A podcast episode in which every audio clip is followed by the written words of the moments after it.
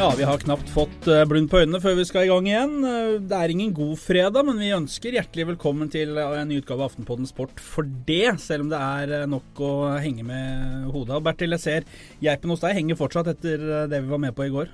Ja, det er nesten like stor nedtur som det var i 2007, da Norge tapte hjemme mot Tyrkia. Nå har han fortsatt en matchball på søndag, så det går an å rette opp igjen. Bertil Valdraug eh, henger med hodet, men vi har fått besøk av et moderasjonsråd i studio.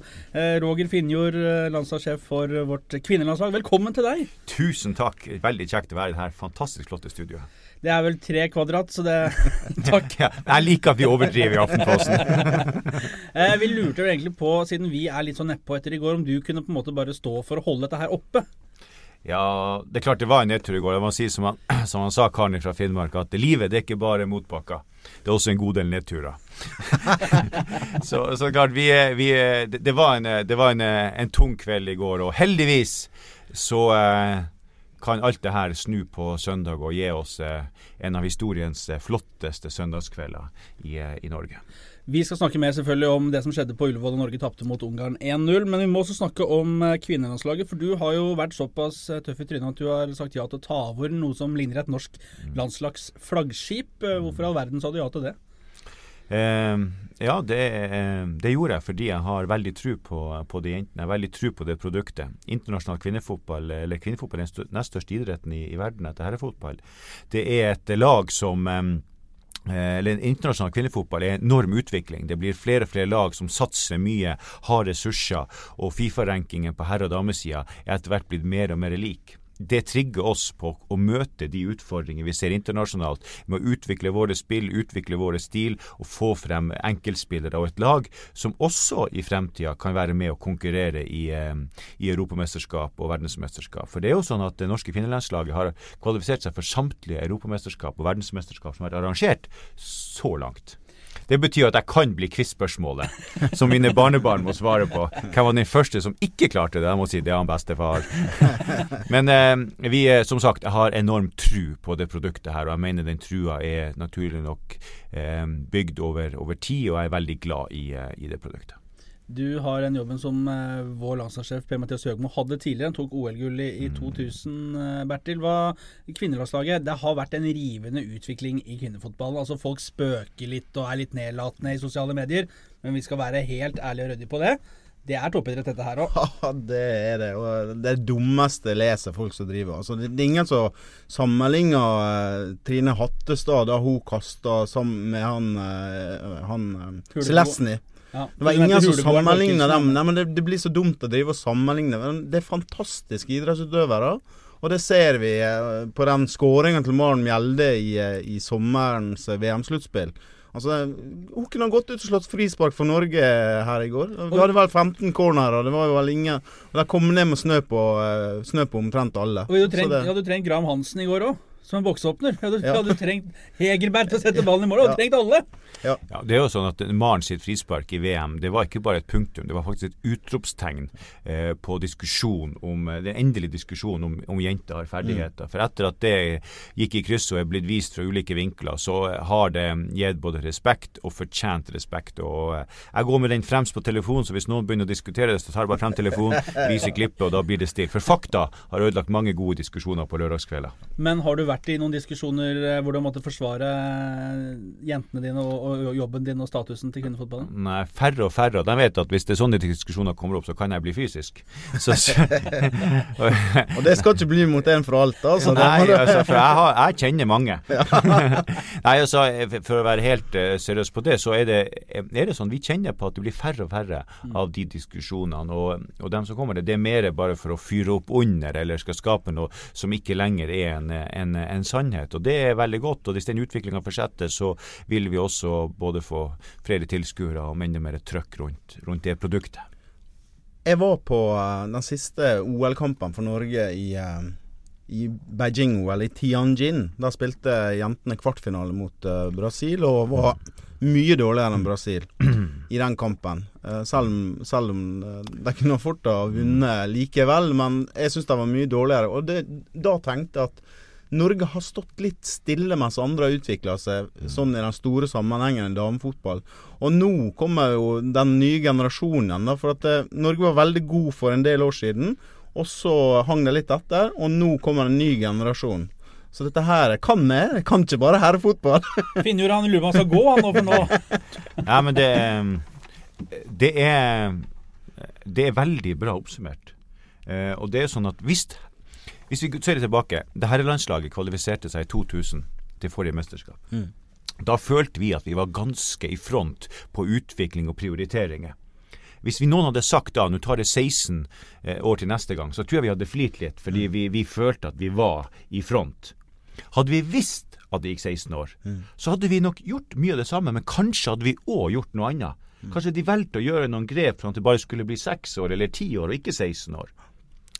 Det er den utviklinga vi ønsker å møte også på kvinnesida. Vi ser der at den utviklinga som skjer internasjonalt, der vi har vært i front på en del ting, så kommer det nasjoner opp og er i ferd med å bli sånn herselig god. De er der og, og kødder med oss nasjoner som vi tidligere visste vi kom til å slå. De slår vi ikke så lett lenger. Og Hvis vi ser eh, verdensmesterskapet i år, den strukturen og de ferdighetene som var der, som for første gang har ligna så mye på herre-VM i fjor som det gjorde, så er det også et tegn på at vi må møte fremtida med det fremtida har å bringe. Og Derfor må vi være de beste på å spå. Vi må bruke den erfaringa vi har, kontinuiteten, og så må vi legge på det som er fremtida, sånn at vi møter dem med det fremtida vil ha. Og det de gjør da, da drar de til Ålesund for å spille avgjørende og viktige kamper, f.eks. 3500 tilskuere der. Jeg har jo spilt mange kamper i Ålesund, eller i hvert fall sparka fotball. For du vet jo det, Finor, der har vi med en lokal fotballhelt å gjøre, også borti hjørnet her. Nei, ikke, lokal, ikke helt, men uh, fotballsparker fra Ålesund, ja. Mm. ikke spiller Men, men det, det, det, det også, da. Det å reise litt rundt omkring i Norge og samle folk. Altså 3500 tilskuere på en kamp der. Og så jeg, la jo merke til det du sa, at det er vanskelig å beskrive med få ord det du, eh, det du opplevde i Ålesund, på intervjuet etterpå. Og det betyr mye for kvinnefotballen. Spre den rundt. Jeg hadde til og med tenkt å ta med meg dattera opp dit for å få sett kampen. Hun var veldig skuffa når hun så den på TV. Mm. Ja, over at dere ikke dro? Ja, selvfølgelig. Det var dårlig, dårlig pappa. Ja, nei, ja, det, jeg skjønner de, altså, de datter er, er veldig fornuftige. Det er mye mora i henne. Så, så, så det, det, jeg tenker, det at, um, det at du har rett også, også, i det du sier. For klart at når, å, vi ønsker at jentene skal få øyeblikk. Vi ønsker vi, vi, vi jakter på øyeblikket. Vi Jakter på det liksom, Du kjenner på at det her akkurat nå, så er alt det arbeidet gjort, det er verdt det. Og når jentene går ut på stadion med ryggen mot hovedtribunen eh, før kamp og innmarsjen, snur seg og ser en hovedtribune som er utsolgt, så ser man Jeg har sett det flere ganger i opptak etterpå. Du ser eh, smilene til jentene. Du ser de shiny eyes på jenter som, som brenner sånn for sitt produkt. Og så og så klarte vi å skape en bra kjemi på stadion den dagen, og vi hadde noen fantastiske mål eh, som, eh, som fikk, opp stemning, eh, fikk, opp god stemning. Og folk er der etter kampen og vil ha autografer. Og, det var fantastisk, og, og eh, det, det, vi håper at det som var der av arrangementsnivå, som Øyvind og, og co. i Ålesund la opp til, at det ikke bare var en happening, men faktisk en standard. Og senest snakka om i morges på Ullevål. At vi skal ut nå med dette raider på hva vil vi at den lokale arrangøren skal bidra med sammen med NFF. Så vil vi at det vi opplevde i Ålesund, eh, det skal være standarden på det vi vil ha ute. Og så må vårt nivå også være standard. Du har jo tatt ut en tropp som skal eh, forberede seg mot eh, OL-kvalifiseringen i mars nå, som samles etter, etter cupfinalen. Um, vi snakker jo hele tiden om at uh, Høgmo og gutta skal kvalifisere seg til EM i sommer, men det er jo faktisk en fotballturnering i Rio også. Uh, hva mm. tenker du rundt uh, det som skal skje der, og, og kvaliken i mars? Ja, nå er det Vi deltok i OL i 2000, og 2000 så deltok vi neste gang i 2008. Så var vi ikke med i 2012, og vi har utrolig lyst å være med i det mesterskapet. Vi kjenner en glød, en, en, en, en fantastisk eh, energi, uten å bruke Av og til kan jeg bruke litt noen adjektiv, men jeg mener dem. Og det er en fantastisk drive i den gruppa nå. De eh, har så utrolig lyst å delta i, um, i, OL, og da vet vi at det står tre andre motstandere og har sikkert akkurat samme driven, samme lysten, Sverige, Nederland og Sveits. Og vi er per nå eller i hvert fall for en måned siden, så følte vi at vi, vi, vi, vi, har tatt 25% Det er fire jevne lag som møtes. Og Så syns vi at vi har jobba så godt, jentene har jobba så godt. Vi føler at vi har, har kanskje stjålet noen prosenter. Det blir jo en subjektiv mening. Men, men, hvor vi ønsker at når vi kommer til, til mars, så skal vi gå ut på der og virkelig konkurrere om den medaljen, eller om den, om den, den plasseringa. For det er jo vinner. Det er én plass plass eh, i OL, og de tre andre får TV-abonnement på, på, mesterskapet. Så, så det er klart at vi, vi har veldig lyst å, å fordi at også for norsk fotball og norsk kvinnefotball, så det å være med i, i mesterskap og, og, og, kunne konkurrere også der, eh, hadde vært fantastisk artig. Jeg unner jentene det. Men Solveig Gulbrandsen vil ikke ha med deg? Solveig er en av de spillerne som, eh, som uh, har vært med og konkurrert og, og har uh, hatt en fantastisk lang karriere. Og Så har vi endra litt formasjon, hvor kanskje hennes sterkeste side nok ikke kommer til sin rett. Så, så og hadde en veldig god samtale med, med Solveig. Solveig er en spiller som jeg er veldig glad i å prate fotball med, og det skal vi ha mange sånne samtaler fremover. Og, og, og det har selvsagt ikke vært en lett avgjørelse. Men vi har um, drøfta det og kommet frem til det. Og, og, og Solveig er en spiller som, eh, som, norsk fotball også kommer til å trenge i årene som, eh, som kommer i, i, ulike roller. Bertil, det er jo en del av det å være landslagssjef, faktisk å ta noen sånne litt sånn upopulære avgjørelser. Ja, altså, jeg har all mulig respekt for det. Jeg skal ikke begi meg ut på en diskusjon. Men jeg, jeg syns hun har vært en, og sannsynligvis fortsatt er, en veldig god fotballspiller. Men han har sin plan med nye Norge. Da må han få bygge det laget som, eh, som han gjør. Altså jeg, og det å, å, sitte her på utsida og på sidelinja og mene sterkt om det, det, det har jeg ikke lyst til. Han har helt sikkert gode grunner for at hun ikke er med i troppen. Roger Finjord, ofte, eller for mange nok kjent som, uh, i hvert fall under tiden som assistenten til Even Pellerud, mm. som ga de flammende pauseintervjuene som fikk folk til å rette seg i sofaen. Hm. Hadde du vært læreren vår, så hadde vi jo selvfølgelig gjort enda mer lekser på skolen. Eh, hvordan har det vært eh, å bli skal vi si, en slags kjendis på dine pauseintervjuer? Ja, det, um, jeg er veldig glad for at uh, folk ser på norsk kvinnefotball og ser på norsk fotball. Og um, det, jeg, er, jeg er egentlig en veldig rolig person, jeg er det. Men når det er noe jeg brenner for, og får muligheten til å fortelle om noe jeg brenner for og noe jeg er glad i, så, så, så forteller jeg det med, med entusiasme. Eh, og, og, eh, det produktet vi har eh, som vi har veldig tro på og det, Jeg tror det er vanskelig å få noen andre til å tro på noe du ikke tror på sjøl. Og jeg har veldig tro på det produktet her. Og, og hvis jeg gjennom mine intervju kan, kan klare å bidra til at enda flere tror på oss, så er det sånn at hvis vi har 4,5 millioner som tror på noe, så tror jeg vi kan tro oss veldig langt. Da kan også drømmer bli virkelighet. Hvis du hadde vært assistenten til Høgmo i går, hvis du hadde vært en Jarl Torske eller en Martin Foysten, hva hadde du sagt i din tordentale halvveis mellom Norge og Ungarn da? Nei, altså Det handler jo om å, om å, om å klare å, å, å bli enda mer gjennombruddssissig. Vi, vi, hadde jo perioder i går hvor vi har et offensivt kombinasjonsspill, men som kanskje kunne ende med et innlegg på noen spillere som da har stått og vært klar i, i åtte trekk. Så at vi kanskje kunne bli enda mer kreative i det, sånn at vi ja, kombinerer innlegg fra, høyre, fra venstresida, eh, fra høyresida, men med også med kombinasjonsspill i midten, så vi kan få dratt ut de stopperne deres. Mm. For de fikk lov å stå i midten, og der du ser både, både på høyde og og fysikk at det der er midtstoppere som har stått der i mange år. When you're ready to pop the question, the last thing you want to do is second guess the ring. At BlueNile.com you can design a one-of-a-kind ring with the ease and convenience of shopping online. Choose your diamond and setting. When you find the one, you'll get it delivered right to your door. Go to Bluenile.com and use promo code LISTEN to get $50 off your purchase of $500 or more. That's code LISTEN at Bluenile.com for $50 off your purchase. Bluenile.com code LISTEN. Ryan Reynolds here from Mint Mobile. With the price of just about everything going up during inflation, we thought we'd bring our prices down. So to help us, we brought in a reverse auctioneer, which is apparently a thing.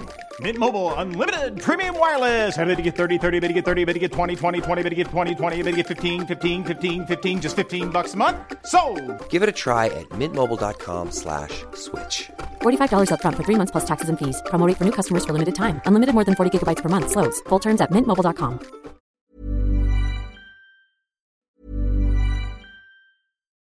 Botox Cosmetic, out of botulinum toxin A, FDA approved for over 20 years. So, talk to your specialist to see if Botox Cosmetic is right for you. For full prescribing information, including boxed warning, visit BotoxCosmetic.com or call 877-351-0300. Remember to ask for Botox Cosmetic by name. To see for yourself and learn more, visit BotoxCosmetic.com. That's BotoxCosmetic.com. Og de kommer nok også til å stå der på søndag. Så det å på en måte klare å skape noen nye konflikter, ny, og det er kjempeviktig på søndag at vi, eh, uten at jeg skal sitte her med noen fasit på det, for det har jeg ikke, men at vi, vi vet hva vi var gode på i går. Men så vet vi at de der stopperne kommer til å stå og ta imot oss på søndag òg. Vi må skape noen nye konflikter. Ungarer må gå ut på, på søndag og kjenne OK, Norge har enda flere offensive strenger å spille på. For det laget har tatt steg. Klarer vi å komme oss til det mesterskapet nå, så har vi en hel vinter å bygge både engasjement og tro på, på, på et lag som også kan prestere i VM. Altså, når Roger sier dette, så høres altså, det høres jo veldig enkelt ut, og det er umulig å ikke være enig. Men Bertil, det, altså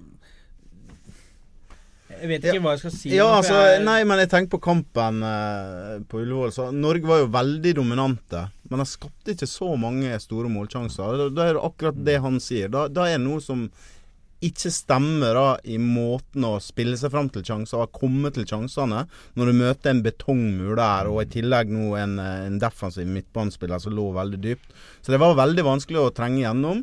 Og så eh, disse her dødballene som er nevnt her i sted. Altså Når du har 15 cornerer og, og ikke klarer å skapte vel kanskje én sjanse på disse cornerene, da, da, må du velge en annen måte å gjøre det på for å true dem. Og, og, og diskusjonen om Martin Ødegaard eller Jeg ville ha jeg ville ha sendt inn på Martin Ødegaard i går, for han står for noe annet. Han kunne vært en boksåpner, og da kunne ha trua mer, mer, fra sentralt. Det var stort sett bare fra høyresida vi kom gjennom i går. Eh, men eh, Høgmo så vel det samme som oss, så det kan jo hende han har en plan for søndagen. Og det har han helt sikkert. For Du så at eh, ungarerne lå så tett. og og smalt, at de, de, de aksepterte legg fra siden. Så kanskje vi tenkte ok, nå er vi kommet til legg. Så tenkte ungarerne heldigvis kom de bare til legg. Ja, eh, så, og det er klart, Du snakker om å boksåpne. Jeg tror helt sikkert vi ser et Norge på søndag som, som, ut, som kommer til å brette ut, som kommer til å, å true. Og med litt tunge, litt seige forsvarere. Får vi noe kombinasjonsspill rundt dem, så får vi et frispark på 16 meter. Vi får kanskje et straffespark. Men får vi et frispark på 18 meter, så er det flere Maren Mjelde i Norge som kan sette det i krysset. Og, og da har vi et eh, har vi. Så jeg tror at vi må, ja, vi må gi ungarerne noen nye konflikter på søndag. Eh, det var jo litt snakk om før matchen et par posisjoner. Du hadde en spissplass, du hadde en venstrebekkplass. Tom Høgli leverte vel ikke sin beste landskamp i går. Trenger vi også en venstrebeint spiller på den venstrebekkplassen, så du får rytmen hele veien der? En som kan dundre opp langs sida, få de innleggene. At det også blir eh, enda et eh, moment i det? Ja, men du kan ikke bytte ut halve laget. Det tror ikke han kommer til å gjøre heller. Ja, Han kommer kanskje et par bytter. Da tipper jeg at han bytter ut uh, Søralund med Pedersen. Og så kanskje Han snudde jo ikke kampbildet totalt. det gjorde han ikke. Jeg syns det jo Helland skapte jo Han var jo mye mer skapende på en tre, fire, fem, seks minutter på slutten der. Han, han var involvert i, gode dødballer og hadde i tverrligger. Eh, Moi kom jo ikke til sin rett. Men altså, det, det, er veldig vanskelig. Det vet jo Roger som sitter på sidelinja og skal ta valg underveis. Og Noen ganger så lykkes du med innbytte, andre ganger ikke. Men jeg tenker jo jeg ville nok hatt en uh, mer truende kantspiller, som kanskje er, er mer oppfinnsom enn Jo Inge Berge, som hadde omtrent flere eh, helspark enn innsidespark eh, på Ullevål i går, og lyktes veldig sjelden. Hadde vel 46% av pasningene han traff han på. Det er for dårlig når, du, når det er EM som ligger i, uh, i potten. Roger, Vi lurer noen ganger på vi som sitter på pressetribunen og tror vi vet alt. Vi lurer på om dere trenere i det hele tatt har øyer nede på benken, om byttene kommer og om dere kommer for seint, om det er feil folk som kommer inn. Dere har øyer? Ja, da, det er klart. Journalister er jo, har jo en enorm kunnskap. Det er jo ofte fotballspillere som ikke lyktes som fotballspillere, som valgte, noe annet. Fikk en jobb, dem også, i fotball. Så nei, men, eh, men, eh, men det er klart at du, du sitter der nede, og, og, og, du er i bobla. Du er inni det, du lever deg inn i kampen. Og, og vi, kan jo, vi kan jo tenke én tanke om gangen. Eh, og det er klart, av og til det å kunne stå utenfor, se det litt utenfra, resonnere litt der, så kan av og til vi som trener også hadde tenkt litt annerledes. Men klart, du er der nede, du er i ei boble, og du har en strategi.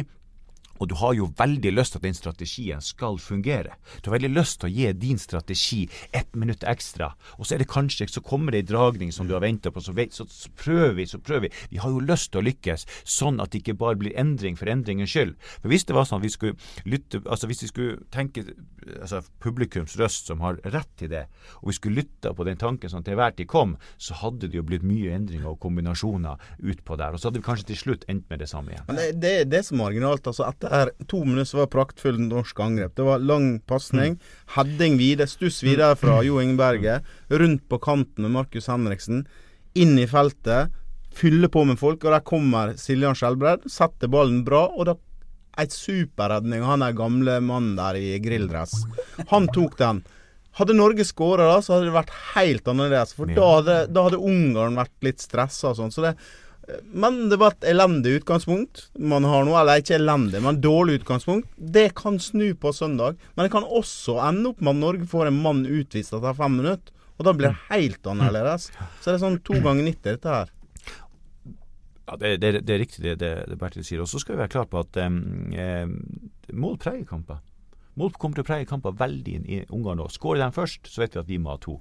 Men skårer vi først der nede, hva tenker ungarerne da? Fordi Skulle de slippe inn et til, ja, så må de ha to. Ja, sant? Og det, det skårer de ikke. Hvis Norge går opp til 2-0 Eh, så skårer ikke ungarerne to. Det er, det, er, det er, jeg helt sikker på. Eh, og det er klart, det der, det her første målet eh, i Ungarn Skulle vi skåre først, så har vi liksom plutselig så er det vi som har momentumet. For da er det vi som står med bortebanefordelen eh, i, i, resten av kampen, hvor ett mål teller dobbelt. Så så 1-0 eh, Man skal også passe på at det er en farlig ledelse, men liksom, eh, det er litt sånn at skårer vi først, ja, så er det full fyr. Så er det litt sånn eh, paradoksalt at den, å, å tape 1-0 eller å spille 1-1, det er ikke så veldig stor forskjell heller på hjemmebane når Norge skal bort. Må, må skåre uansett.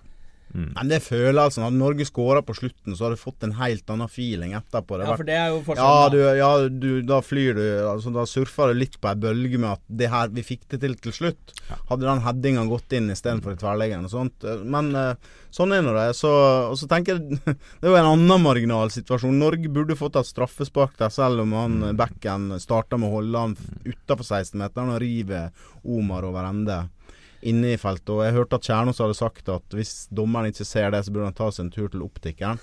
Det burde han gjort allerede 2005, for det var han som dømte da Tottenham spilte mot Manchester United på Old Trafford. Mm. Og, og, han eh, Roy Carroll var vel en kilometer inn i buret og henta ballen. Ber, altså, Roy, ja. vi, har nemlig en sånn eh, spalte i dette, denne podkasten hvor det må snakke om Tottenham. Vi må snakke om Tottenham, for Bertil holder med et megaslag der. Uh, vi kan bare si det en gang for alle, den ballen var aldri inne.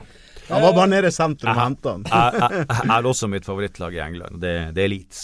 Leeds. Ja, vi, vi, har jo ikke Det er klart det er litt tøffe tider. Ja, det. er. Så i sommer så var jeg med ungene mine og skulle se Leeds Hoffenheim. Og så dro vi innom eh, eh supportershoppen på, eh, på Oslo S, Oslo City. Så sa jeg har dere elitedrakt? Nei, sa han. Nei, sier jeg til ungene. Her ser dere, det er utsolgt her òg.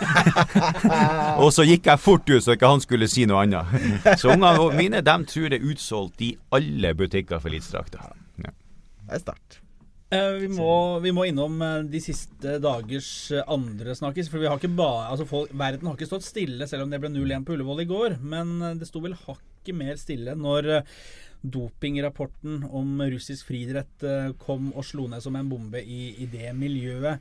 Eh, Bertil, du har jo levd et langt liv i sportsjournalistikken. sportsjournalistikken den mislykkede fotballspilleren ja. som du var, ifølge ja. Finnjord her. Nei, det var, det, det var ikke jeg som sa det. Nei, altså, eh, jeg, jeg, har blitt lurt før, og jeg blir lurt igjen.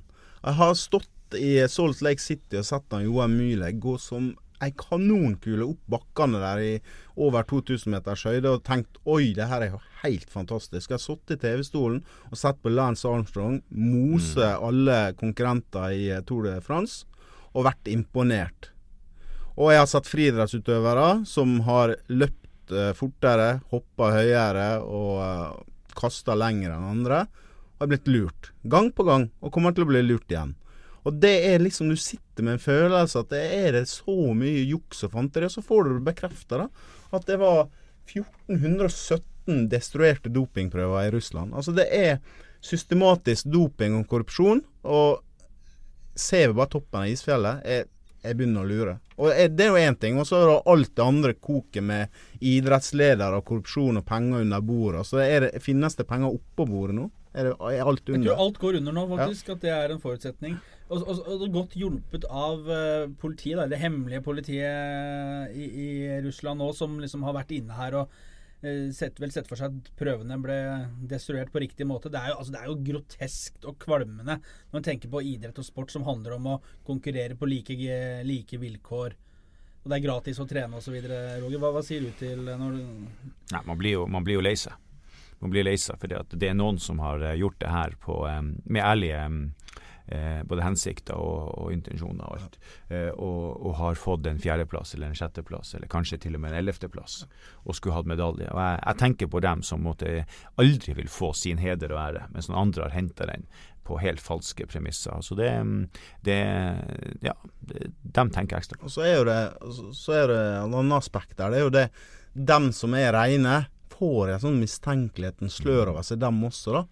Altså, russerne, så tenker du ja, hva skjer i andre idrettsmiljøer i Russland? De gjorde det kjempegodt i Sotsji og ble beste nasjon. Hva med de tre russerne som slo han Martin Jonsrud Sundby i siste bakken på femmila og sånt? Mm. Eh, var de reine? Du vil alltid Når noen jukser, så vil andre som da ikke gjør det, eh, få eh, mistenkelighetens lys kasta over seg. Og, mm. og, det er jo trist. For det er ikke alle som jukser. Det kan umulig være. Håper virkelig ikke det. Ja, ja. Men nå begynner jo vintersesongen, folkens. Altså Denne helgen så er det i gang på Beitostølen. Eh, den kalde, fine tida. Skiløperen fra Alta, hva sier han om uh, åpningen her nå? Nei, jeg jeg syns ski er fantastisk. Jeg har to unger som går på ski, og en bror som er veldig aktiv. og og smør for skigå, så han er veldig, veldig interessert. Og, og jeg, jeg, er veldig glad i ski, så jeg gleder meg til skisesongen. Og heldigvis så, så går det an å uh, kombinere både ski og fotball gjennom en, en hel vinter. Så uh, det blir uh, masse flotte opplevelser, og, og det blir selvsagt kjempespennende. Så vi har en altaværing, en Finn Hågen Krog i Langesporet, vi har en Håvard Klemetsen fra Kautokeino i i, i, kombinert. Så vi, vi, gleder oss veldig til, til det som kommer nå. og vet det blir noen flotte øyeblikk. Bertil, er du, er du klar du òg? Ja, altså, det er bare å sette for... over til beite og Calgary skøyteåpning og Sverre Lunde Pedersen, som, som visstnok er i knallform, så, og på en is i uh, Calgary som er, er rask, så det, det, kan bli gøy. Og så tenker jeg da, i mars, da når dere skal spille disse her OL-kvalifiseringskampene, det er jo akkurat da det også er VM i skiskyting. Samme dagen åpnes VM i skiskyting. Så da kan du se på fotball, du kan se på skiskyting. Så, så er det tippeligaåpning ja. straks der òg? Ja. ja. det er helga etter. Så, det, det, så, alt skjer nå i et fantastisk symbosium. Og Sverre Lunde Pedersen, som også er fra Alta. Så, så klart at her er, her er en del finnmarkinger også som skal ut og prestere på internasjonale Og så er det to finnmarkinger som er, som er landslagssjefer òg. Ja, Nå er han ikke fra Finnmark, nei, nei, Mathias. Fra Finnmark. Han er fra Gratangen, men han har vært mye i Finnmark.